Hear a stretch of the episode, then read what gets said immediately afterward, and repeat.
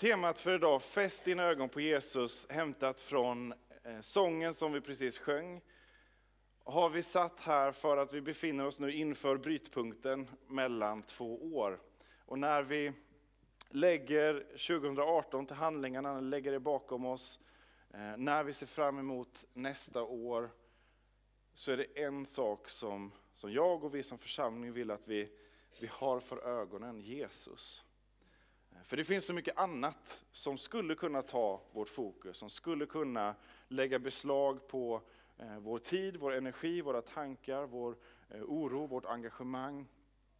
Eh, och så blir det inte så mycket kvar till Jesus. Vi hörde här Åsa läsa från inledningen av Uppenbarelseboken om hur Johannes får se Jesus om inte i sin fulla, så i närheten av sin fulla prakt. Jag funderar på om Johannes hade överlevt om Jesus hade visat sig helt och fullt. Eh, och Johannes blir helt förundrad här och han beskriver också vad han ser och det, eh, det låter, ja det, han ser ju märkliga saker. Det, och genom hela Uppenbarelseboken sen så blir det också, det var som om eh, Johannes förstår inte riktigt vad han ser, därför han kan inte förstå fullheten. Och så kan det vara när vi, när vi möter Jesus, när vi råkar på Jesus, att man blir så betagen. Jag vet inte om det är någon som har sett Spindelmannen-filmerna? Spiderman? Det finns ett, ett gäng. Eh, jag rekommenderar dem, de är bra. Eh, de flesta. I en av filmerna, en av, en av de senaste, inte riktigt de senaste, så finns det en, eh, spelar, eh, spelas Spindelmannen av en eh, man som heter Andrew Garfield. Eh, han gjorde också en annan film, eh, och det, det, det är den jag vill tala om, inte Spindelmannen. Eh, han gjorde en film som heter Silence, som handlar om några jesuitmissionärer som beger sig till Japan. Och de får befinna sig där under en svår förföljelse av de kristna. Och för att förbereda sig för den här rollen så gick Andrew i bibelskola hos en jesuitpräst och tog sig an den här eh, ignatianska andligheten, eh, traditionen och eh, läste evangelierna enligt den här eh, bibelläsningstraditionen som finns där. Eh, den verkligen djupdyker in i och, eh, och så att säga, genomsyras av Jesus ord, berättelser om Jesus. Eh, och han berättar i intervju efter det här att jag har blivit förälskad i Jesus. Det var vad som hände honom när han mötte Jesus i sin research inför ännu en Hollywoodfilm. Eh, ett fantastiskt vittnesbörd. Det kan drabba oss när vi möter Jesus. Men så är det också, har vi mött Jesus, det kanske var länge sedan du fascinerades av Jesus. Eh, för mig är det, det är 16 år sedan nu som jag riktigt fick den här Eh, eh, chocken. Jag, jag insåg något av vem Jesus är och vem jag är i jämförelse med honom förhållande honom. Det, det golvade mig. Eh, men sen när åren går så, så märker jag hur alla de här sakerna som, eh, som jag brottades med innan, några av dem hänger sig kvar envist. Paulus talar om hur den gamla människan hänger sig kvar vid oss trots att vi har fått ett nytt liv i Jesus. Och sen så kommer det nya saker som stör och tar just den här uppmärksamheten och tiden och, och energin. Jag behöver inte bara eh, tänker jag då minnas tillbaka och en gång i tiden så fick jag syn på Jesus. Utan behöver göra just det här som, som lovsången talar om, fäst dina ögon på Jesus. Jag behöver ta ett nytt beslut. Jag vill se på Jesus, jag vill att han har den första platsen i mitt liv. Det behöver jag göra om och om igen.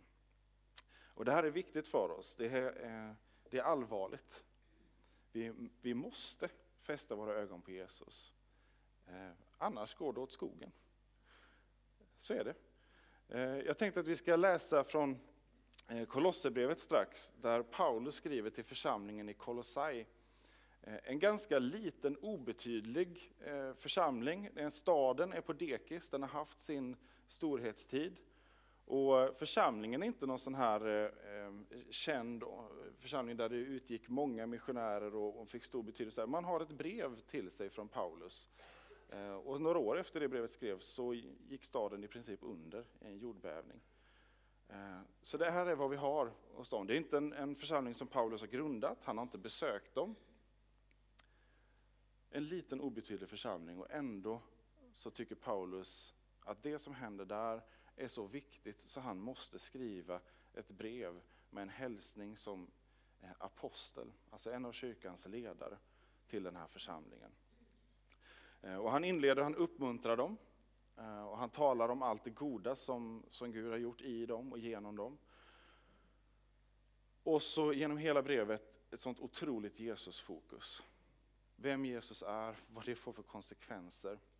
I honom, i Jesus, har hela den gudomliga fullheten tagit sin boning. Förstår ni vad ni har i Jesus?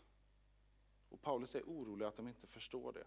Därför att det har letat sig in eh, villoläror och eh, konflikter och spänningar i församlingen som, eh, där Paulus är orolig att det här, det här kommer dra er bort från Jesus. Ni håller på att tappa bort Jesus. Honom som hela den gudomliga fullheten har tagit sin på. Ni håller på att tappa det. Och det är inte en, eh, en polis som kommer här eller eh, den här eh, Ingmar Bergman-läraren, Ingmar Bergman-prästen. Utan det här är en, en, Paulus skriver som en pappa, som en fader som, som är rädd och orolig för sitt barn, som älskar sitt barn. Skriver med kärlek men också med oro. Eh, så med det så eh, läser vi från eh, Kolosserbrevet kapitel 2, vers 11-15.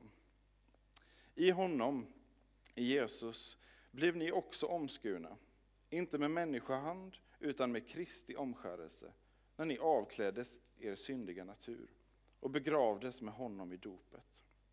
I dopet blev ni också uppväckta med honom genom tron på Guds kraft, han som uppväckte honom från de döda. Ni var döda genom era överträdelser och er oomskurna natur.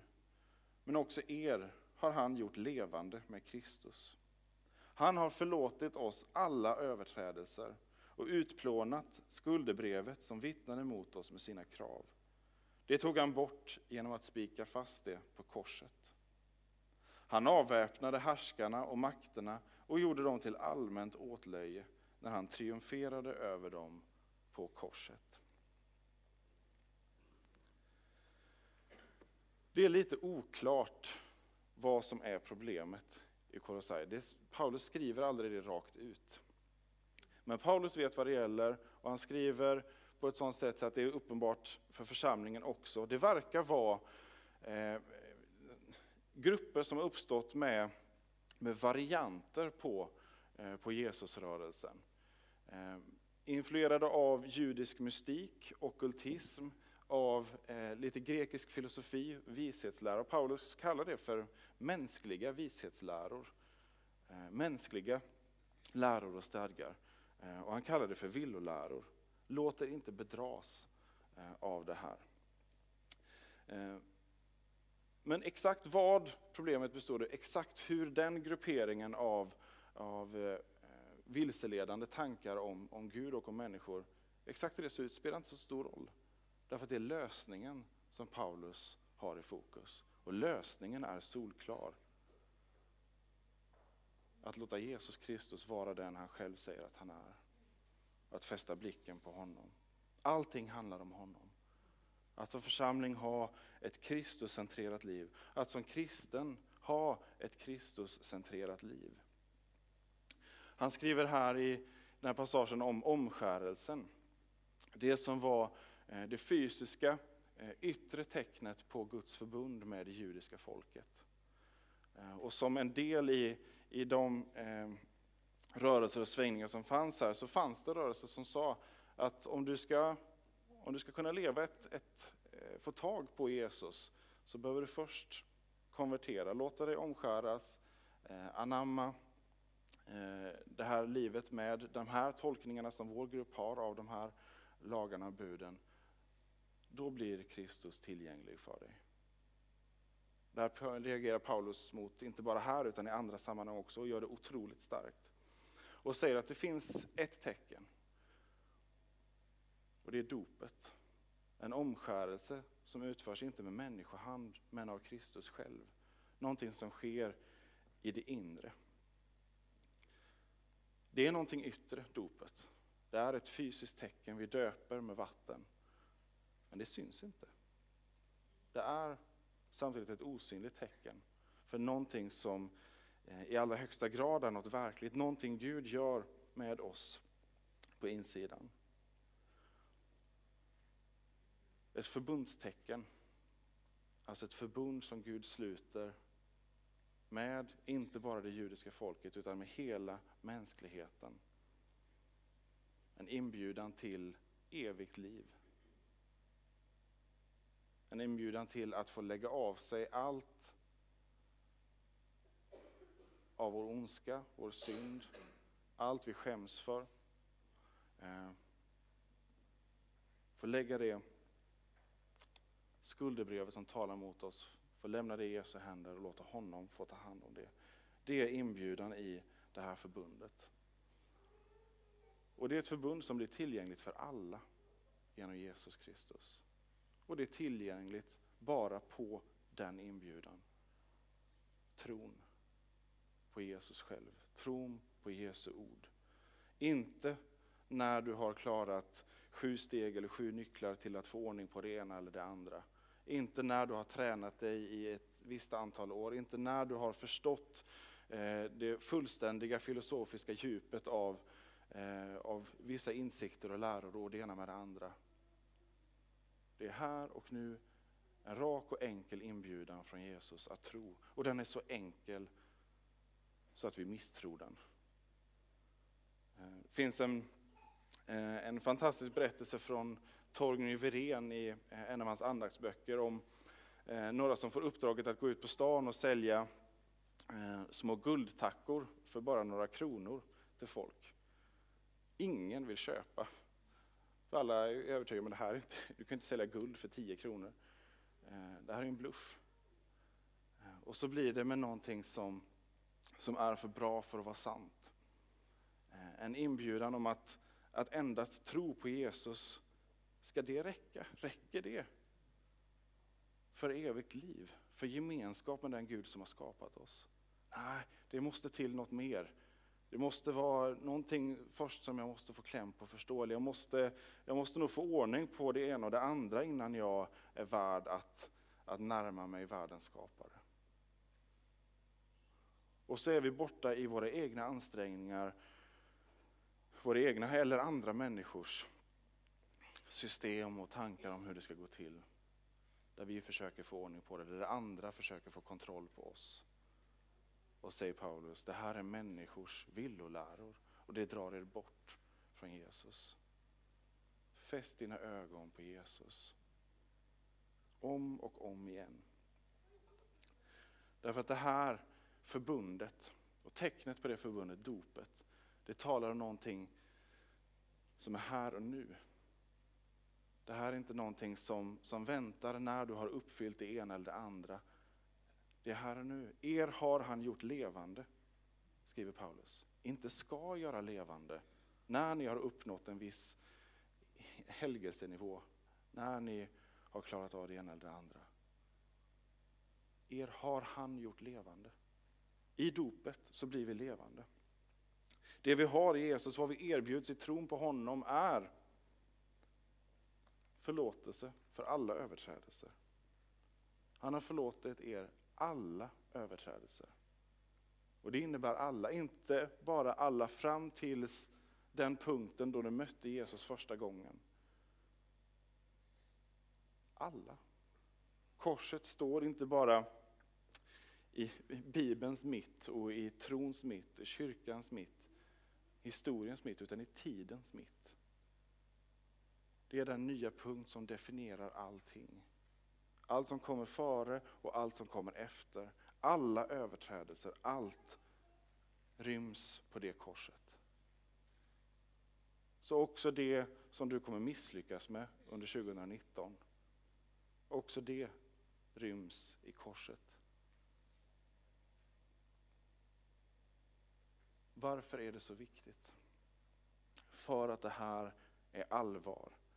Därför att kristen tro inte gör anspråk på att vara en vettig morallära eller eh, livshållning bland andra. Därför att det här är allvar. Det här är punkten som definierar hela verkligheten, och som allt måste förhålla sig till. Ni som var döda, skriver Paulus. Ni som var döda.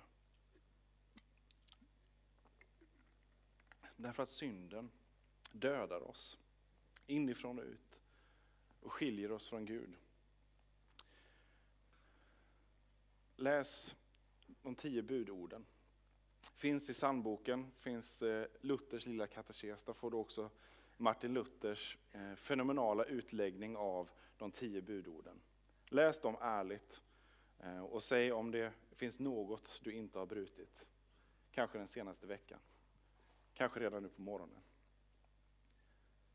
Det gäller mig i alla fall. Allt det här, det skiljer oss eh, från Gud. Och om vi inte ständigt omvänder oss, om vi inte ständigt fäster våra ögon på Jesus, så kommer det här så finns ständigt risken där att vi dras bort från Jesus. När vi eh, istället på egen hand försöker få ordning på det här. Och det är inte, det är inte små grejer. det är allvar. Vårt förhållande till Jesus avgör allt. Precis allt. Så på det sättet är synden ett stort problem. Ett stort problem som kräver en stor lösning. Och det är det vi har på korset. Men efter korset så är synden inte längre ett stort problem. Därför att på korset ryms alla överträdelser. Skuldebrevet, det som talar mot oss. Allt det du har med dig i ditt eget minne av vad du har eh, misslyckats med, vad du har eh, fullständigt struntat i. Eh, som du vet att Gud kallar dig till. Alla överträdelser, allt det där, det radar upp sig i våra liv som ett skuldebrev som talar mot oss. Och det är det som får oss att tänka, jag är inte värdig. Jag kan inte världens skapare. Nej. Och det är också det som eh, som djävulen, makterna och härskarna som Paulus skriver om här, använder för att attackera oss och för att slå ner på vår tro, slå ner på vår frimodighet, slå ner på, på Guds löften om att korset omfattar alla och alla överträdelser. Och det är vad djävulen har sysslat med från begynnelsen. Skulle då Gud ha sagt, gäller det här verkligen? Men det här skuldebrevet, det är utstruket, det är fastspikat. På, jag tycker det är en så fantastisk bild. Det här skuldebrevet, alla anklagelser du skulle kunna rikta mot dig själv, eller mot andra människor, eller som andra människor riktar mot dig, eller som djävulen och andemakten riktar mot dig. Det har Jesus själv tagit i sin hand och spikat upp eh, på korset. Tillsammans med Han stiger upp på korset frivilligt. Guds egen son betalar det största priset. Som jag sa, ett stort problem kräver en stor lösning. Hur Gud själv blir människa. Nästan stiger upp på korset. Han låter sig bli uppspikad och tillsammans med, med sig själv i den kroppen, skuldebrevet, all vår synd.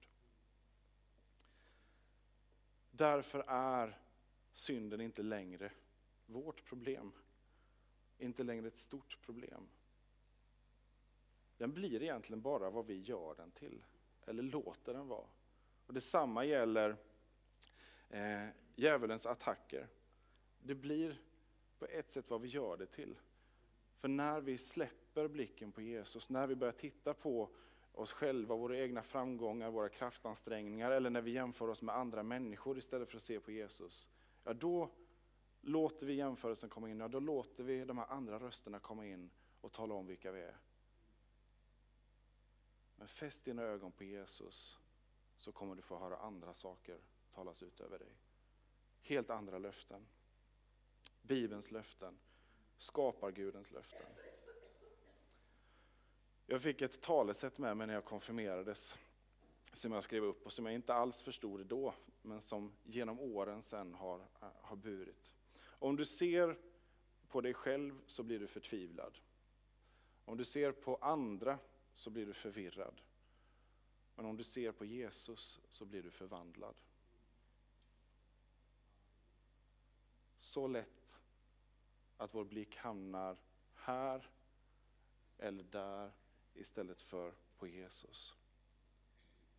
Och det är för viktigt, det är för dyrbart för att missa. Därför måste vi eh, ständigt göra upp med det, ständigt lyfta vår blick, se på Jesus och se på korset. Och då kommer vi också se på oss själva och på omgivningen, på våra problem, våra omständigheter och på vår synd i helt nytt ljus. Då kommer vi också få kraft. Kraft att gå, kraft att tro, kraft att eh, frimodigt få lägga 2018 bakom oss och i Guds händer med allt av vad det inneburit. Och också få kraft att få ta oss an nästa år, 2019.